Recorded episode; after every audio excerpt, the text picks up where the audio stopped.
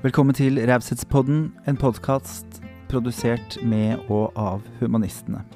Mitt navn er Tore Petterson, og vil du vite mer om humanistene, så kan du gå inn på humanistene.no.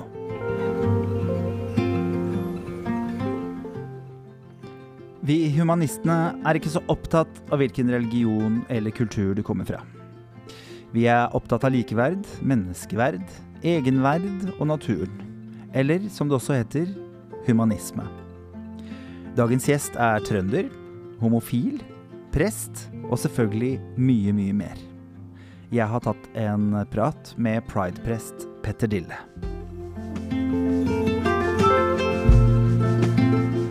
Nå har jeg hørt så mye om deg, eh, Petter, at nå måtte jeg invitere deg inn til Raushetspodden og Humanistene. Velkommen så mye, Petter Dille. Tusen takk. Ja, Koselig å ha deg her. I like måte. Jeg gleder meg.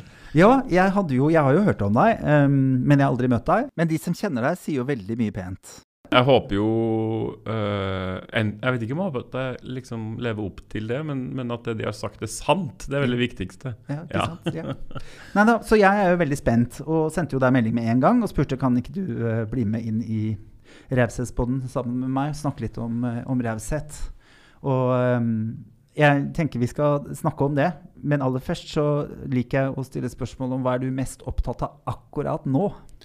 Akkurat nå uh, så er det jo pride, rett og slett, som, uh, som opptar mesteparten av tida. Jeg har også en uke ferie ganske snart, så det, nice. jeg håper liksom jeg får landa mest mulig jobb før det. Uh, og når det da er fotball-EM på toppen, så er på en måte uka ganske full. Ja. Uh, men på en veldig god måte. Så at uh, livet, livet, smiler. Ja, Så fint. Du er fotballentusiast? Ja, i mesterskap. Ja. Så det er litt sånn uh, annethvert år i en måneds tid. så kan jeg bruke tid på det. Ja. ja.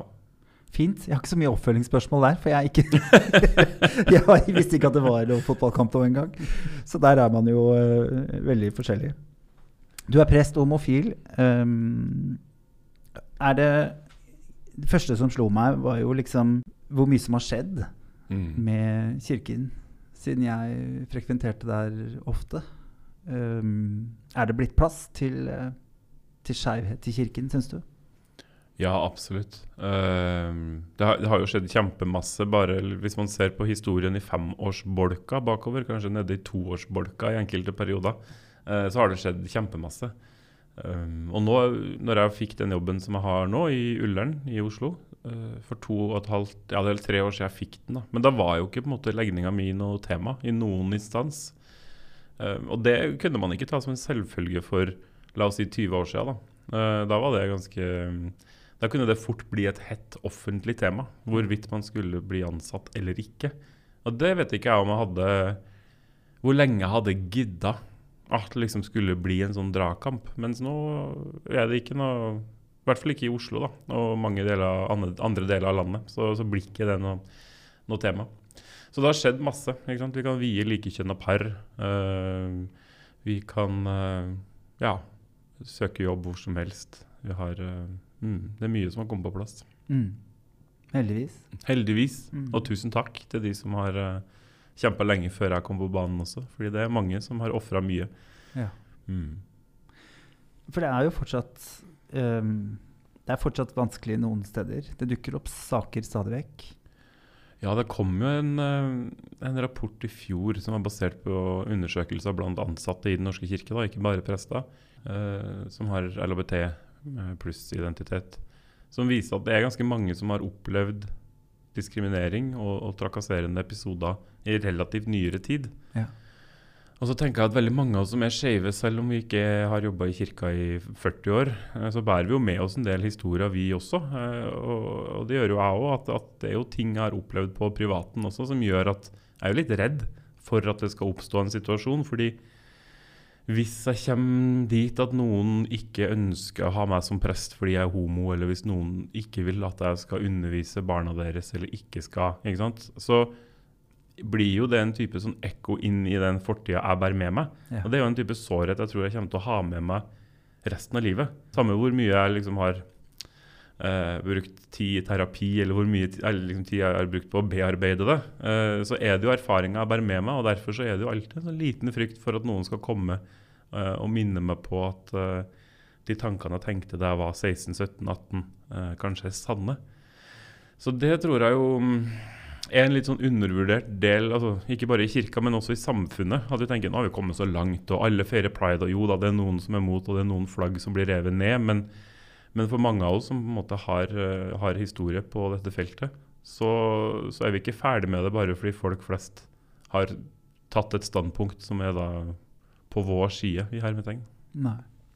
Hva har det gjort med deg? Historien din? Hmm. Den har nok gjort meg På den, på den positive sida så har den jo gjort meg stoltere over at jeg på en måte står her jeg står i dag. Eller sånn at det har, jo, det har jo på mange måter Det har jo gått bra, egentlig. Samme hvor, uh, hvor uh, Ja, en del uh, episoder som ikke har vært OK. og så har den nok gjort meg klokere. Men den har nok gjort meg mer sårbar.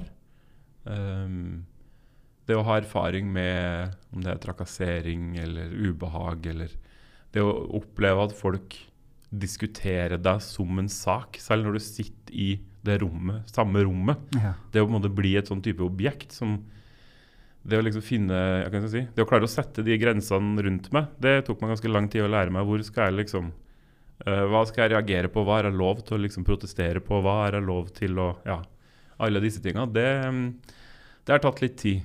Um, og det har selvfølgelig vært vondt i, i perioder. Mm. Men jeg tror mest av alt så er det liksom uh, Eller jeg husker når Madonna eh, ble kåra til århundrets kvinnelige artist, eller århundrets artist for noen år tilbake, så, så sa hun at det mest provoserende hun hadde gjort som kvinnelig soloartist, det var å holde ut. Ja. Eh, ikke sant? Og hun har jo da fornya seg sjøl annethvert år gjennom eh, snart 40 år. Eller ja, det er jo ca. 40 år nå. Eh, og så kjente jeg jo, med all mulig respekt for hun en viss sånn likhet til det. At liksom Ja, det har vært litt av ei reise. Det har virkelig vært liksom eh, tidvis ganske krevende og vondt. Men eh, her står jeg. Eh, og det er mange som står side om side med meg, som også har sine fortellinger. Mm. men vi har, vi har kommet dit vi har kommet i dag. da. Og det er jeg jo stolt over. Det sies at um, de som opplever motgang, blir sterkere. Jeg tror vi blir mye mer følsomme. Mm. Nei, Kjenner du det som en fordel? Hvis nei. du er enig med meg, vil jeg merke. Ja, jeg, jeg, er helt enig. Altså, jeg er ikke der at det som ikke tar livet av deg, gjør deg sterkere. Nei. Fordi det um, Eller hvis jeg skal være enig i det, så må det være at det å tåle å stå i den svakheten som jeg bærer med meg, ja. det er en styrke. Eller jeg tror jeg viser mye styrke i det. Men jeg opplever meg ikke sterkere nå enn for 20 år siden. Men jeg har, jeg har nok på en måte Jeg står nok stødigere enn jeg gjorde for 20 år siden. Men det å liksom tåle å stå nært på sine egne følelser, og det å på en måte jobbe med sine egne grenser, og det å finne liksom denne veien, da, det er jo en styrke.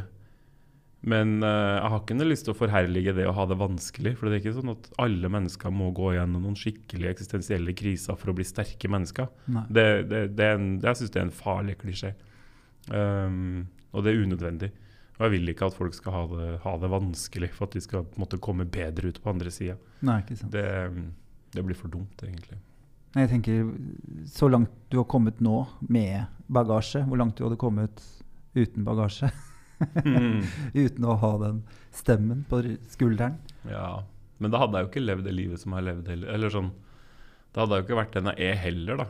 Så jeg tenker at det er litt sånn tosidig. ikke sant? Ikke, jeg vil ikke romantisere på en måte motgang. Og samtidig så betyr ikke det at det ikke kan komme noe positivt ut av det. Du kan si at denne situasjonen er det bare 100 dritt ved. Men det betyr ikke at det kan komme noe i forlengelsen som man kan omfavne og være glad for eller stolt av eller uh, mm, sette pris på. da. Uh, men det går jo ikke helt opp i en sånn logisk uh, forstand. Men, men, det er jo litt som Det er jo ikke noe bra med de tinga som kvinner har blitt utsatt for, som førte fram til metoo-bevegelsen. Og så mener jeg jo at den bevegelsen likevel er bra fordi disse tinga har skjedd. Og da er det jo så bra at det blir løfta fram kollektivt, og at man får sett hvilket stort samfunnsproblem og hvilket folkehelseproblem dette er. Um, men det betyr jo ikke at de episodene har vært gode. Men de liksom, de, de, det har skjedd. Det, vi får faktisk ikke gjort om på de. Men vi kan bestemme oss for hvor vi går derfra. Så det kjente jeg på en sånn kjempeboost av. Ikke fordi det skjedde, men fordi bevegelsen tok ansvar, og at fellesskapet løfta når folk følte at de sto alene. Er du gift? Nei. Samboer? Nei. Tror du det blir en issue? Nei. Nei, det tror jeg ikke mm. Eller det vil jo alltid være noen som synes det blir At, at dette er vanskelig. Men, eh, men altså, ikke, altså der er jobben nå, i menigheten og med både ansatte og frivillige, så tror jeg de ville ha arrangert det bryllupet gladelig. Ja. uh, Unna deg det. ja, de ville ha Ja, absolutt. Så det mm, Jeg kan ikke si at det ikke finnes ett menneske i dette landet som ville ha reagert på en eller annen måte. Men det, det kan jeg ikke ta ansvar for. på en måte. Har, men, det, men det er viktig for meg å jobbe et sted hvor jeg vet jeg har den backinga. da. Uh, og det er jo klart, det hender jo at jeg jobber med folk, ikke nå, men som jeg har gjort før, som, som står for noe annet knytta til dette. Men selv de, det er jo ikke mange av de som ville ha liksom gått inn og prøvd å sabotere det.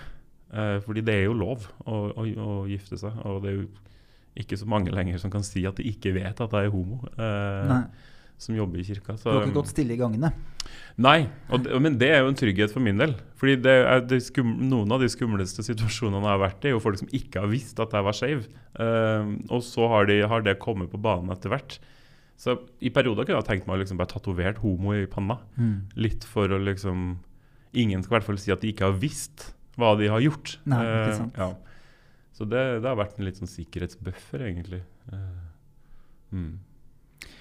Men uh, som prest, jeg tipper jo at ehm, at uh, du, du holdt jeg på å si, har et forhold til menighetsliv lenge før det. Klarer du å ta meg litt sånn gjennom Du skal slippe å fortelle hele kom ut-historien din, men, uh, men hva som skjer med en liten gutt når han går og kjenner på følelser som, som kan være, være veldig skumle. Kan, være, kan få reaksjoner fra det miljøet man tilhører. Mm. Du er fra Otterøy Ja, utenfor Namsos. stemmer. Ikke et enormt sted, vil jeg tro. Nei, det er ei lita øy med ca. 1000 mennesker. Ja. Uh, så en barne- og ungdomsskole som da hadde 100 elever cirka på de ni klassene. Som vi gikk i ni år. Så det var, det var smått, for så vidt. Nei, og jeg var jo et ganske aktivt barn. ikke sant? Spilte fotball og gikk på ballett i åtte år. Og eh, spilte litt eh, fiolin i noen år, cello et år. ikke sant? Så jeg var liksom var med på mye. Og så skjønte jeg vel etter hvert at uh, det, var, det var noe der. Uh, og en sånn type annerledeshet som jeg ikke helt skjønte hva var for noe. Før liksom kanskje puberteten og jeg kanskje lærte mer om hva homofili var. Det var jo ikke noe sånn kjempetema. Det var jo ikke noe undervis... Altså. Eller det er en lærer på ungdomsskolen, jeg må anerkjenne det. Hun kom til meg noen år etterpå og sa at vi snakka om dette i klasserommet. Jeg husker jo ikke det litt engang. Sannsynligvis har jeg bare blokka det uten å, være, uten å vite det. Men um, jeg tenkte nok at det ikke var Eller jeg, tenker, jeg, var, jeg var ikke sikker på noe som helst. Jeg var ikke sikker på at verken venner eller familie eller kirka ville på en måte være åpen for det. Så jeg var forberedt på at noen kanskje kom til å trekke seg unna. Eh, I verste fall alle. Og så så jeg ikke for meg at det var et beste fall, egentlig. Fordi eh, jeg hadde jo på en måte blitt døpt da jeg var barn og liksom vært i kirka når vi skulle det og sånne ting. Men, men det var jo først da jeg begynte på videregående at jeg ble ungdomsleder i Namsos. da, Fordi vi Ja. satte opp eh, konfirmantmusikal. Eh, Ja, ja, ja. så det var jeg jo med på. Um, og når jeg begynte på videregående, så var jeg jo veldig klar på at ok, men jeg skal bare komme meg gjennom dette. Uh, og så flytter jeg til Trondheim eller Oslo og så skal jeg etablere liksom et, et, uh, et liv der. Og så kan jeg komme ut, Fordi da har jeg noe å falle tilbake på hvis det liksom ikke, ikke går. Men Så du flyttet ut, vekk, vekk før du Nei, det var planen. Ja, det var planen, ja. Det var planen. Ok, ok, hva skjedde? Nei, den ble jo endra, da. Uh, så det var siste året på videregående, så skjønte jeg at dette går jo ikke. Eller uh, jeg, jeg orker ikke å vente lenger. Så det ble nyttårsforsettet mitt uh, da vi gikk inn i år 2003. var å komme ut. Så 20. januar så gjorde jeg det. Og den påfølgende uka så fikk jeg egentlig alle i min omgangskrets vite, vite dette. Eh, og da var jeg jo forberedt på at kanskje noen venner som vil trekke seg unna, kanskje vil familien min si litt nei, eller kanskje, eller liksom ta litt avstand. Eller at kirka bare sa 'dette går ikke, kom tilbake ved en senere anledning'. Ja. um, Når du har rydda opp? ja. Uh, men ikke som fadder, ikke sant. Men uh, de, de sa jo ingenting sånn. Alle, det var ingen som på en måte støtt meg fra seg. Og så var det jo litt sånn usikkert på hvordan skal man Dette hadde jo ingen gjort før heller. så at vi brukte litt tid på å finne ut av det, men alle var liksom interessert i det. Men det som skjedde da, var jo at det var kirka, altså presten og kateketen i den menigheten, som, som var de første til å liksom bare Blant de første. Til å bare sånn helt uforbeholdent si 'du er kul, vi heier på deg'. Hvis du trenger noen å prate med, så er vi her. Ja. Og da var det litt sånn Å ja, OK, greit. Da er den eh, Skal vi si check. Ja. det gikk bra. Og så ble jo det samme med liksom både familie og venner. og det var jo selvfølgelig episoder i, i de månedene som kom etterpå, som var kjipe. Eh, men det var jo ikke med min omgangskrets og mine, mine folk. Det var bare noen som kjørte rundt og lette etter noen etter neste, neste mål, på en måte. Neste Mm. offer. Så jeg tror nok det altså at det har betydd en ganske stor del for min tilhørighet til kirka. At deres støtte der og da var så uforbeholden um, at jeg tenkte ikke noe mer på det. Eh, hadde det vært annerledes, så vet jeg jo ikke Jeg tror jeg kunne ha gått ut av kirka og tenkt OK, hit, men ikke lenger. altså, ja, ikke da, da gidder ikke jeg det. Da kan jeg gjøre noe annet. Så hadde jeg sikkert beholdt troa, men ikke nødvendigvis tatt noe lederskap i kirka. Nei. For det var jo bare et par uker etterpå at jeg ble sendt på mitt første liksom, eh, ungdomsdemokratiske samling i kirkelig regi. Fordi de valgte å sende meg som den representanten derfra. Og da, da var det i gang, på en måte. Uh, mm.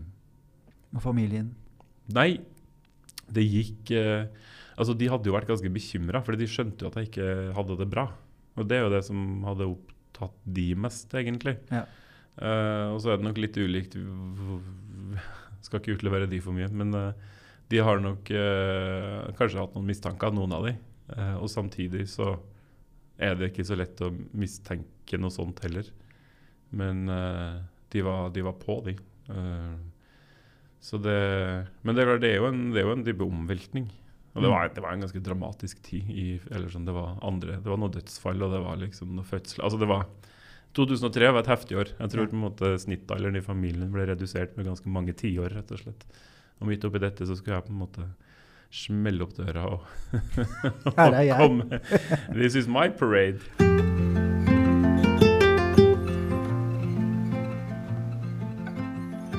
Eh, ekteskapsloven eh, ble jo ønsket velkommen på et eh, tidspunkt. Sent tidspunkt, hvis du spør meg. Eh, kunne kommet mye tidligere. Men hva tror du du har gjort for, eh, for miljøet, liksom? For skeive i Norge? Det var jo et stort steg. Opplevde jeg det som, i hvert fall. Ja. Tenker du da i altså stortingsvedtaket eller Mm. kirkemøtevedtaket? Mm. ja, kirkemøtet, at, at Ja. kirken ville vie Ja, ja. Nei, det kom, eh, det kom seint. Eller hva skal jeg si? Det, det, på en måte så kunne det ha tatt 30 år til. skjønner du? Altså, Ja. det, det er noe med at kirka opererer i en litt annet tempo. Eh, jeg vet Den katolske kirke sier at den tenker spontant over århundre. Ja, ikke sant? Eh, og så er kanskje den protestantiske kirke liksom, om det er på over hvert tiår eller 50 år, men det er litt tregere. Men det ehm, For de av oss som på en måte har venta på dette hele livet, og noen har jo venta lenger enn både meg og deg også, for så Ja. vidt, eh, så er jo det kjempelenge. Og samtidig, hvis man ser på hvor, hva kirka sa om dette på 70-, 80-tallet, 90-tallet, for så vidt 2000-tallet, så har det gått ganske kort tid. Men det betyr ikke at det ikke er lov å være utålmodig. Og um, jeg er jo veldig glad for at det kom gjennom. Uh, jeg tenker at det ville ha blitt en enda større kløft mellom stor, en stor del av samfunnet og kirka hvis det ikke hadde liksom eh, kommet i mål nå da det gjorde det for en eh, Det er vel en tre-fire år tilbake.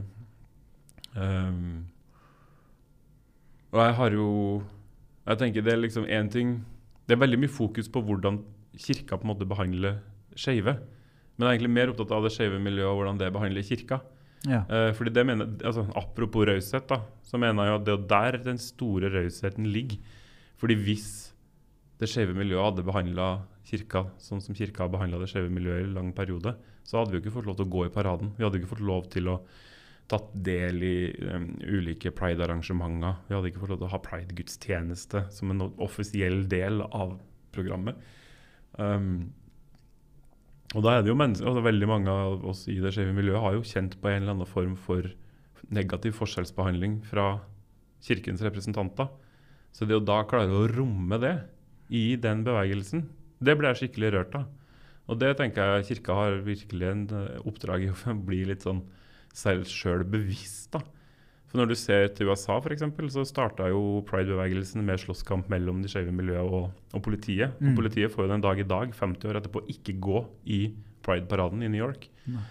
Så jeg tenker at der, eh, der er det en sånn type raushet som kommer til syne, som jeg blir veldig rørt av. Og hvis ikke, hvis ikke den ekteskapslov, eller at liksom liturgien for likekjønna par hadde kommet på plass nå, og det hadde tatt 15 år til, så er jeg spent på hvor vi hadde vært, på en måte. Fordi man blir jo sliten av å prøve å få på plass dette.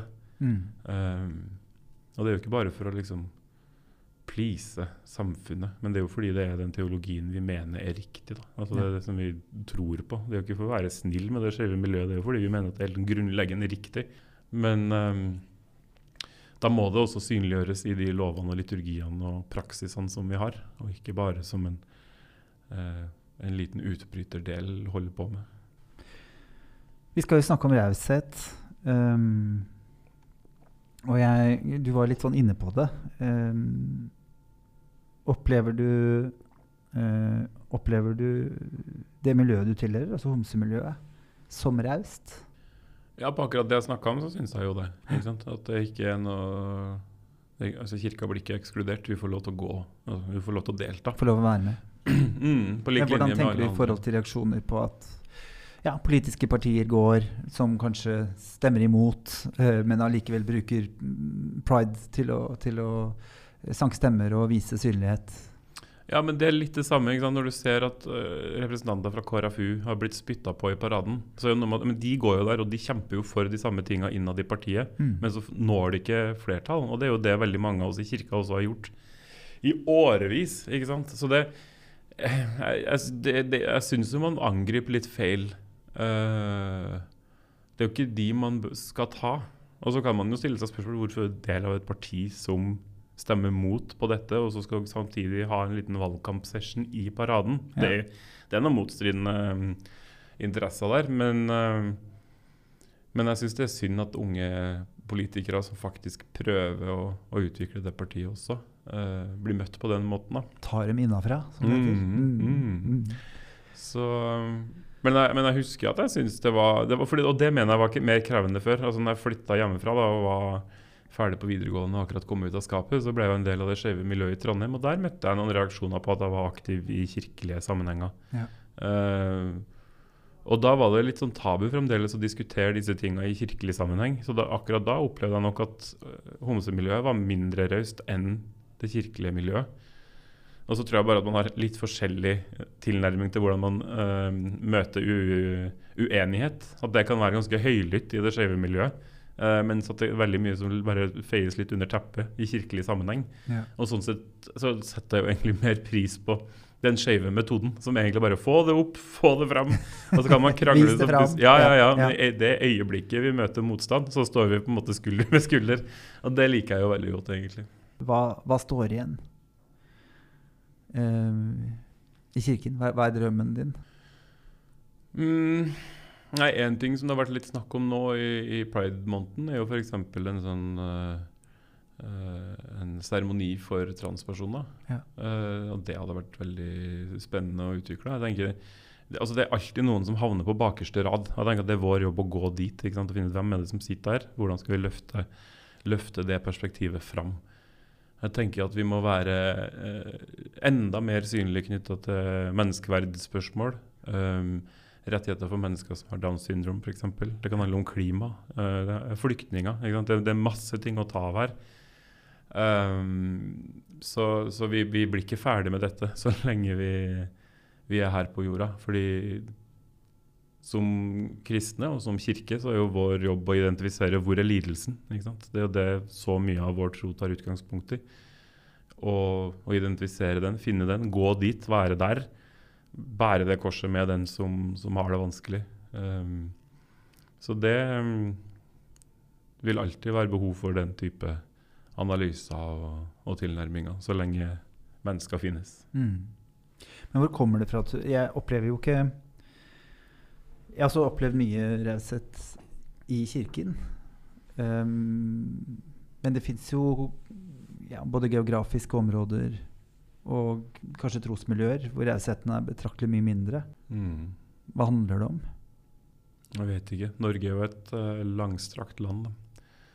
Um, jeg husker, altså For noen år siden så gjorde de en sånn omdømmeundersøkelse på prester i Norge. Um, Ja. hvor man sa Ni av ti var fornøyd med sin lokale prest. Og Det er jo et helt vanvittig høyt tall. ikke Ja. Men det hadde både høy tillit og um, var veldig fornøyd. Men på, hvis man spurte hva syns du om prester generelt, så var det bare tre av ti som var fornøyd. Ja? Og Der er det jo en sånn nivåfeilvurdering. eller Altså det, der er jo noe som skjer mellom de to tallene. For det går jo ikke opp. Hvis sju av ti ikke liker prester, men ni av ti liker sin egen. Så det er jo et eller annet med at kirka kanskje er best på lokalplan. Og da handler det om å være en del av et lokalsamfunn. Det handler om å, å stå i den lokale konteksten.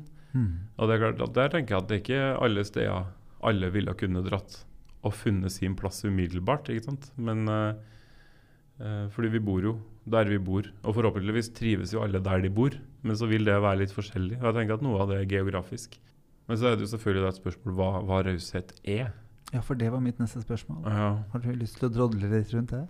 Ja, jeg har jo tenkt litt på det, og jeg tror jo liksom noe av det viktigste for meg innenfor raushet, er at du bare finner altså, Hele tida klarer å romme litt mer av andres liv. Ja. Og ikke på en måte snevre det så mye inn. Og du sier ja, men du burde være litt mer sånn, eller kan du jekke deg litt ned, eller kan du ta litt mer eller mindre plass, kan du jobbe litt mer? Altså at vi At vi klarer å mm, bare liksom anerkjenne at jaha, der er du med, med ditt, som Ja. jeg kanskje vet noe om eller ikke. Eh, og det er fint. Ikke sant? Det er jo egentlig det rauseste man kan gjøre. Eh, og det er jo det som uh, Kirkens Bymisjon ikke sant, har som, eh, som slagord, skal jeg til å si, eller motto. At det der med at eh, eh, alle er mer enn det du ser. Ja. Hvis man klarer å huske det i møte med alle mennesker, så vil man jo finne en raushetspraksis som er ganske eh, omfattende. Det, fordi det er på en måte ikke så vanskelig, men det er så fort gjort å liksom sammenligne andre ut ifra seg sjøl. Og motsatt, ikke minst. ikke sant? Jeg tenker at Det å være raus handler også om å være raus med seg sjøl. Ja. Du kan ikke bruke hele livet ditt på å romme alle andre hvis du ikke finner plass til deg sjøl. Da forsvinner du jo. Men så er det jo også et problem med det motsatte. At du har svaret på absolutt alt. Hvordan ting burde være. Um, da blir det ikke så mye rom til overs. Og så tror jeg at vi lever i ei tid hvor vi er i sånn brytning mellom at alle skal få lov til å være seg sjøl, men så er vi også så vant med å forstå hverandre som gruppe. Og så går ikke det helt opp, da. Så at vi vil hele tida liksom forsøke å uh, forstå det vi ikke forstår, og når vi ikke forstår det, så blir det et problem. Og så det liksom, Hvorfor må det være et problem? Altså, Jeg vet da ikke nødvendigvis hvordan det er å være deg, selv om I don't know, jeg vet noen få ting om det. på en måte, men Jeg aner jo ikke hvordan du har det med det. Jeg aner ikke så veldig mye om din historie. Um, men vi, vi er veldig opptatt av at dette forstår jeg ikke. At det er sånn, nei, nei, men må du det? Kan ikke vi bare liksom være her uh, sammen? Ja. Det er kanskje litt enkelt. Det er jo ikke ja. Men jeg, jeg tror liksom mye av raushetskoden ligger, ligger i det, da. Er du like raus overfor deg selv som du er mot andre? Du nevnte jo litt om det. Ja, jeg tror jeg har blitt bedre på det. At liksom Har jeg en litt sånn dårlig dag, så er det bare sånn Ja, ja. så ble den dagen sånn, da. Og det liker jeg jo veldig godt med å bli eldre. Fordi det opplevde jeg jo før, eh, altså for 15 år siden f.eks., at det kunne være skikkelig krise. Og nå blir jeg ikke, jeg ikke så dramatisk anlagt på det lenger. Nå tenker jeg at ja, ja, men nå er jeg på en, er jeg på et god flyt. Nå kan jeg få gjort liksom. Innimellom føler jeg jo at jeg gjør to ukers arbeid i løpet av en halv dag. Ehm, og så kan det gå en dag hvor jeg egentlig ikke føler at jeg har fått noe gjort. Og så tror jeg ikke noen av de to egentlig er helt sanne. Men, jeg, men det der med liksom bare observere at liksom, ok, men jula går jo rundt. Vi kommer jo fra et sted til et annet. Um, så Og det der med å sammenligne seg også. For jeg tenker at det er liksom Ja, jeg har ikke Livet blir jo ikke alltid sånn som man har tenkt. Eh, og det er noe med å liksom ikke dømme seg sjøl for det, da. Men du kan godt anerkjenne. Du trenger ikke å ljuge og si jo, jo, det var akkurat sånn det skulle bli. Det, det er jo heller ikke noe vits. Men bare Ja, har du sett? Da, var vi her. Er ikke det greit? Eller Og det, det tenker jeg er en type sånn raushet. da. At det liksom, ja, ok, greit, så da var vi her. Og det prøver jeg jo på. Og så klarer jeg jo ikke alltid det. Og jeg klarer det jo ikke alltid overfor alle andre heller. Det er jo ikke menneskelig å på en måte gå rundt og liksom bare Jeg rommer alt. Jeg rommer deg. Og dette er greit, og dette er greit. altså, jeg, jeg blir jo sint, liksom, når folk er homofobiske eller eh, diskriminerende på en eller annen måte, eller rasist. Altså, det er litt sånn derre Vi må jo finne måter å liksom bare slå i bordet og si Men dette går jo faktisk ikke. Sånn oppfører vi oss ikke. Og da kan jeg få puls, liksom. Um, så jeg er jo ikke noen sånn godhetsambassadør uh, som bare går rundt og rommer hele byen bare fordi jeg er så sjukt raus. Jeg er jo ikke noe Jeg opplever ikke meg sjøl som et så bra menneske, egentlig. Um, men jeg har jo troa på at hvis liksom alle sammen hadde meg sjøl inkludert, da, hadde klart å ta seg sammen, det er sånn 5-10% så hadde vi sannsynligvis dekt hele behovet. Ja. Jeg, jeg, tror ikke noen av oss skal gå rundt og være 100% rause. Men hvis man ligger på 5 i utgangspunktet, det får du til å heve til 15. Mm. Ligger du på 50 ja, da kommer du opp på 55. Og da har vi liksom totalt sett dekket et stort område. Og så um, ville nok verden vært et bedre sted å være i, rett og slett. Det er jeg veldig enig i. Jeg har um, sittet og lest litt om deg. Og jeg har sjekket litt uh, internett. Oi. Oi! Oi, det, er jo alltid, det er jo det kjipe og det gøye. det gøye for meg og det kjipe for andre. At man finner alt mulig. Men du har jo Jeg fant en YouTube-konto du har, Ja. eh, hvor du snakker med mye forskjellige typer mennesker. Mm. Og jeg kjente for min del at det var en sånn Det er så deilig at noen i At noen tar de pratene. Eh, Jeg hørte bl.a. en snakk med en hiv-positiv. Mm. Det er en prat om prostitusjon. Mm. Det er jo liksom Ja, den rausheten jeg ønsker meg mer av i, i trossamfunn. da. Det å være helt åpen. Det at du åpner en dør, som i hvert fall for min del er helt nytt. da. Ja. eh, fra, fra kirkehold, liksom. At det er alltid masse snakk om det, og da er det ofte eh, radikalt. eh, og, og det er sånn Nå skal vi provosere. Uh, Istedenfor å ta den praten, på en måte. Hva fikk deg Hvor startet dette, liksom? Det der, den nysgjerrigheten du har. Jeg opplever jo som er en av de viktigste mottoene jeg har i livet, og det er å møte verden med mer spørsmål enn svar. Ja. Eh, det at du på en måte Har du noen eh, Har du noen tanke på det? Hvor begynte dette? Hvor har du det fra? Nei, det vet jeg ikke. Um, men det, ja, det er jo et eller annet for meg som det, det er også fordi Veldig mange av de tingene jeg tar opp i den YouTube-kanalen Nå er jo den noen år gammel. Altså Ja, den starta jo i i 2016. 2016. Mm. Ja, så laga vel noe i 2017. Og det Mye av det er jo nettopp i skjæringspunktet politikk og identitet. Altså i hvert fall flere av de tinga du uh, nevnte der. da. Ehm, som jeg syns kanskje er spennende. Som går nettopp på den derre Hvem er du? Eller hvor er du? Jeg hadde egentlig et sånt konsept på gang eh, for noen år tilbake hvor, hvor vi bare skulle stoppe folk på gata. Og så var det en sånn livestream-app som, ja, som pika og falt veldig fort. Men konseptet bare var å spørre hvor, hvor skal du? Hvor er du på vei? Fordi det er, det er jo spennende å bare høre hvem, hva, hva er dette for noe. Ehm, det ligger jo noe helt sånn grunnleggende nysgjerrighet i hva folk gjør og bruker tida si på. Det er jo kjempefascinerende. Hadde jeg ikke blitt prest, så hadde jeg jo sikkert blitt sosiolog eller sosialantropolog. eller et eller annet sånt, fordi det er bare noe helt uh, genuint spennende med hvert enkelt menneske. Samme hvor tilsynelatende ordinært det er, så er det det ordinære er jo det mest spektakulære også. Uh, så det er kanskje noe der, da. Mm, pluss at jeg er jo på en måte politisk interessert nok også til å tenke at men disse fortellingene, eller noen av disse erfaringene, er jo nettopp uh, med på å forme oss. Og så er det bare ting jeg har genuint lurt på. Hvordan er det å leve med hiv i Norge i dag? Um, hva er um, Ja. Uh, eller den episoden med sexkjøpsloven. Det var jo en lov som var mye omdiskutert. Jeg, bare, jeg skjønte det ikke helt. og Jeg var usikker på hva jeg skulle mene, og hvilket liksom hva som skulle veie tyngst. Så det, det var jo Men hvor den nysgjerrigheten kommer fra mm, Har du et nysgjerrig barn, f.eks.? Ja, jeg tror jo kanskje det. Var jo Var jo på. altså, det var jo mye som skjedde. Får ikke vite noe hvis du ikke spør. Eh, var det heldigvis noen som sa for meg da jeg var barn. Ja. Mm. Nei, altså, Det er jo gøy å gjøre ting. Da Så liksom, Da hadde jeg en kompis som hadde lyst til å være med å lage YouTube-kanal, så da gjorde vi det.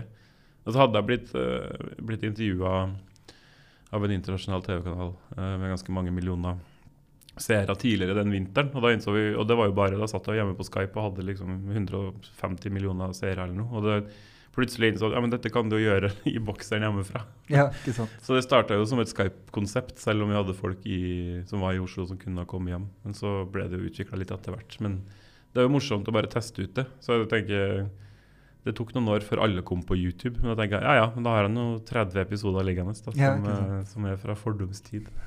Herlig. Jeg um, leste litt om det, men jeg har lyst til å spørre deg om det allikevel. For, for jeg tenker at raushet viser seg på mange måter. Som homofil prest og får mange spørsmål, vil jeg tro. Mange som søker deg i vanskelige perioder i livet sitt. Hvordan er det å sitte med noen som kanskje har vanskeligheter med, med sin egen legning? Har du opplevd det? At det er noen som har kommet og sagt at jeg, jeg vil vekk fra dette? Det har vært en kjempedebatt om, om uh, homoterapi. og Mm. Møter du noen gang liksom noen, noen vegg på det? At du syns at det kan være vanskelig? Nei, ikke, ikke noe særlig. Nei. Um, det er jo Jeg prøver jo så langt det er mulig å liksom hjelpe folk til å kanskje også snakke med noen i nærheten der de er. Eh, mange bor jo andre steder i landet. Så det Og ehm, jeg har jevnt over stor tillit til presteskapet, som jeg også er en del av. Selv om ikke alle kanskje er like høylytte på en del ting som det er, uh, så, så har de på en måte verdiene på, på riktig sted, skal jeg til å si.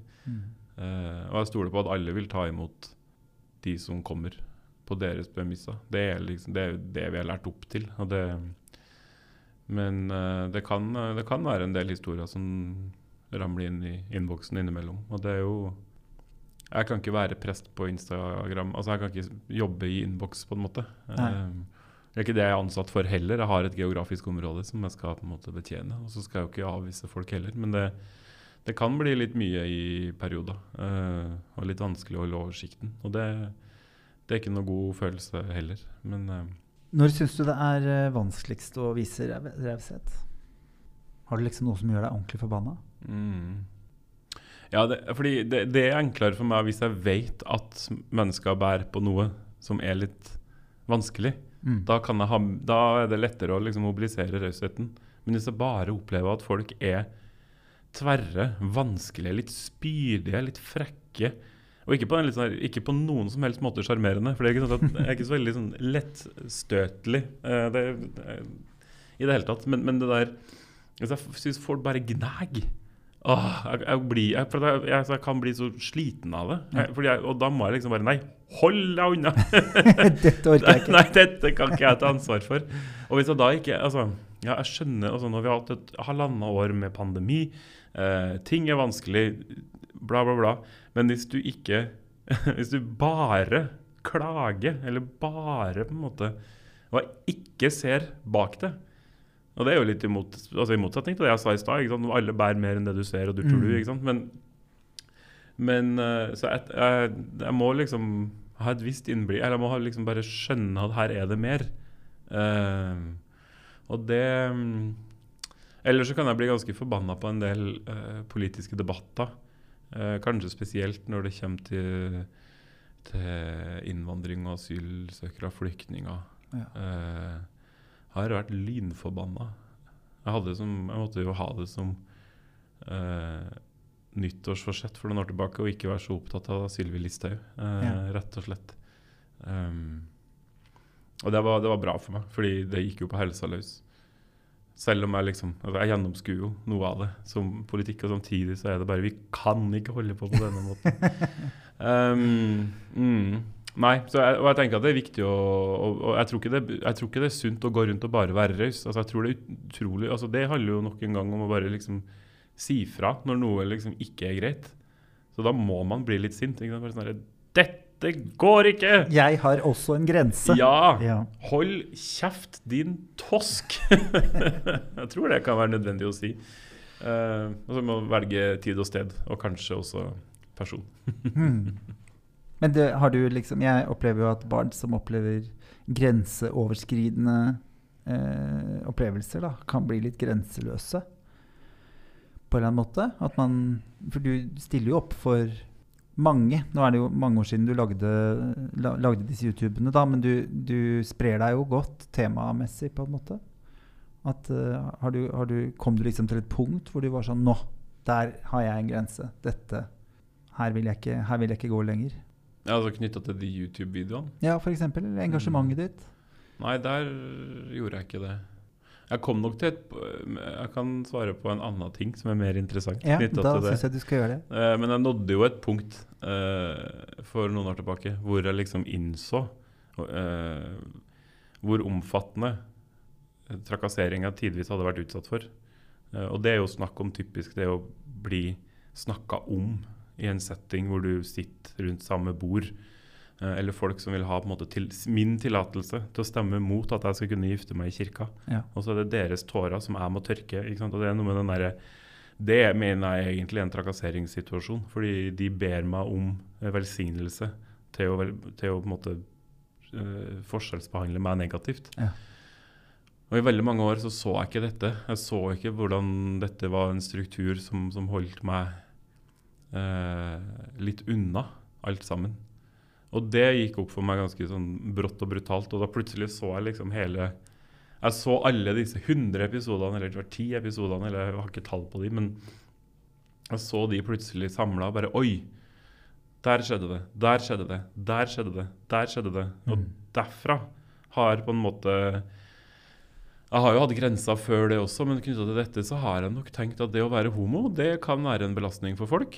Eh, og Derfor så kan jeg kompensere med å la folk få lov til å eh, legge seg på det nivået de ønsker. Eh, men nå får de ikke lov til det. Nå, litt, nå, nå går jeg fra situasjonen, eller jeg ringer en venn. Eller, altså bare litt sånn her, da, nå har jeg jo fått litt beredskap på det. Um, pluss det skjer veldig mye mindre. Og der jeg er nå, så så er det for det første veldig lite veldig, ja, Det er liksom ikke noe tema i, i hverdagen. Pluss at uh, flere av de jeg har rundt meg, både i stab og, og i menighet for øvrig, uh, lett går i front hvis de får vite om det. Så da vet jeg at OK, da kan de, dere få lov til å ta denne. Du er ikke Um, aleine. aldri. Men, uh, men jo, så sånn sett så kjenner jeg meg igjen i det. At jeg etablerer nok en praksis når jeg kom ut av skapet som gikk på at dette kan være vanskelig for folk å forstå. og Derfor så må de få lov til å spørre hva jeg kan fortelle. Ja. Og så har det vært litt grenseløst hva jeg har tålt. Ja.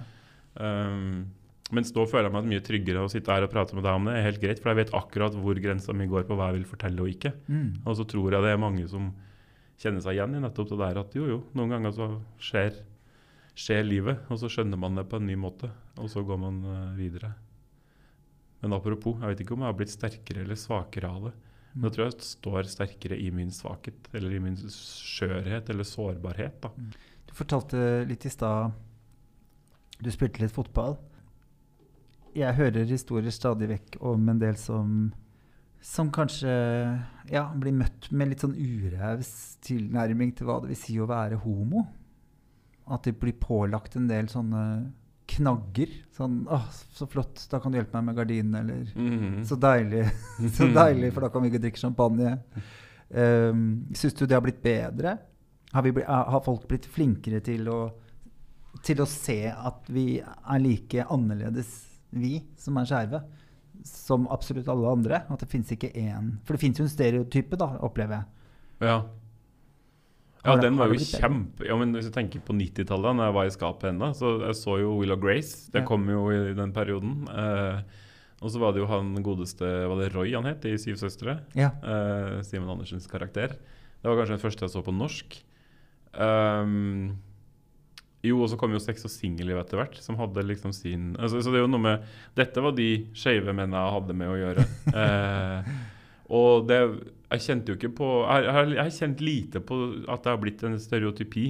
Eh, Allerede da så var jeg litt sånn der OK, men det, det finnes iallfall noen som min vennegjeng og familie også blir eksponert for, og det var jo sikkert mange flere, men, men nå tror jeg jo liksom at Uh, Ja, jeg tror det har blitt bedre. Men jeg, jeg kjenner jo på et sånt ubehag hver gang jeg, hvis jeg møter noen som bare Oh, hey, girlfriend! Som ikke kjenner meg så godt. Så jeg bare sånn der eh, Nei. Vennene mine får lov til å gjøre det, på en måte. Ja, Men, ja. men så gjør jeg det tilbake for så vidt også. Men jeg tenker at Da er det en sjargong som vi er litt sånn enige om. Men når folk som egentlig ikke kjenner meg, tilnærmer seg på den måten Og jeg hater jo å snakke om interiør. Det er ingenting som kjeder meg mer. Altså Da tar jeg heller på en måte 14 timer Premier League, liksom. Um, lett. Så jeg tror folk forstår det. Og det tenker jeg også er så deilig med homo, eller med liksom den pride-bevegelsen nå, og hele liksom den skeive kampen, er at det er så utrolig mange streite som har blitt med. Derfor så er liksom ikke Regnbuefargene er liksom ikke bare å, ja, da er det liksom topp 2% superhomoer. Uh, men det er liksom Nei, det er faktisk halve Oslos befolkning, minst. Um, så det syns jeg er deilig. At liksom Jeg tror det bare har blitt utvida. Og at liksom det altså Ungdommer som jeg møter gjennom jobb nå, det, de syns jo det er fett at jeg er homo når de finner ut det, men det er jo mest fordi de også har kanskje hatt noen forestillinger om at det ikke går an i kirka. Ja. Men så er det jo ikke så utrolig spennende når du måte, er født på 2000-tallet og bor i Oslo, og se en homo. Altså Det er jo Det tror jeg var litt større sensasjon på bygda for 20 år siden. Men jeg tror det er bedre. Jeg håper i hvert fall det. Mm. Jeg satte en liten rosa Det var ikke fordi du kom. Eh, den er rosa hver gang. Eh, og ikke fordi jeg er homo heller, for jeg bare fikk den tildelt. Men jeg har en rosa skål, og der ligger det noen ord som jeg er opptatt av, Ja. og som humanistene jobber ut ifra. Mm. Så jeg bare tenkte om du hadde lyst til å plukke en av de, og bare fortelle meg kort og greit første som eh, faller ned i hodet ditt når du ser ordet. Fortell meg gjerne hvilket ord det er. Ordet er mot. Mot. Mot er viktig. Da tenkte jeg jo på det som i form av å være modig, og ikke å gi motstand. Nei. Men de henger jo ofte litt sammen. Um, det tror jeg er jo Hva er mot? Mot kan være å liksom se noen inn i øynene når du prater med dem. ikke sant? Og hvis du klarer å snakke helt ærlig da om uh, deg sjøl, det krever et vanvittig mot. Ja. Og så mener jeg at vi alle må vise litt mer mot på vegne av andre. Altså Vi må slutte å tenke at alle skal kjempe sin egen kamp, fordi av og til så skal vi gå foran for hverandre. Og det krever kanskje et mot av majoritetssamfunnet. Uansett om det er snakk om mennesker med annen kulturell eh, bakgrunn, eller om det er menn som skal kjempe kvinnekamp, eller streite som skal kjempe, kjempe homokamp, eller eh, homoer som skal kjempe transkamp. Altså, jeg, jeg tenker at det, det krever også et mot. da. Um, ja, det var vel det første jeg tenkte på. Mm. Vi var jo litt på det sporet nå, så vi Ja, ja. blir jo prega av det. Eh, Nei, det var veldig, veldig fint. Jeg hørte et uh, sitat som sier at mot er ikke fravær av redsel. Å, nei. eh, guts til å fortsette selv om man er redd. ja. Mm. Det syns jeg er fint. ja, det er veldig fint. For vi skal ikke Vi må Det koster, Gjør det. men det nytter. Mm. Og så syns jeg det er fint det du sier om at vi, at vi trenger hverandre. Vi er helt avhengige av hverandre. Mm. Uh, som du sier, homoer som, som kjemper transkamp. Uh, heterofile som kjemper for homofile rettigheter. At vi, vi er et samfunn. Ja, og det er vi sammen, ikke Ja. individuelt. Herlig. Mm. Petter Dillen. Eh, nordmann Dillen, faktisk. Nordmann Dille. Ja, ja, ja. Tusen takk for at du ville komme og snakke litt med meg. Tusen takk for invitasjonen. Fint å få høre tankene dine på raushet, og ikke minst om eh, mot. Så ønsker jeg deg en fantastisk uke videre. I like måte. Takk. Du har akkurat hørt på Raushetspodden, en podkast produsert av og med Humanistene. Hvis du vil vite mer om oss i Humanistene, så kan du gå inn på humanistene.no. Takk for at du hørte på.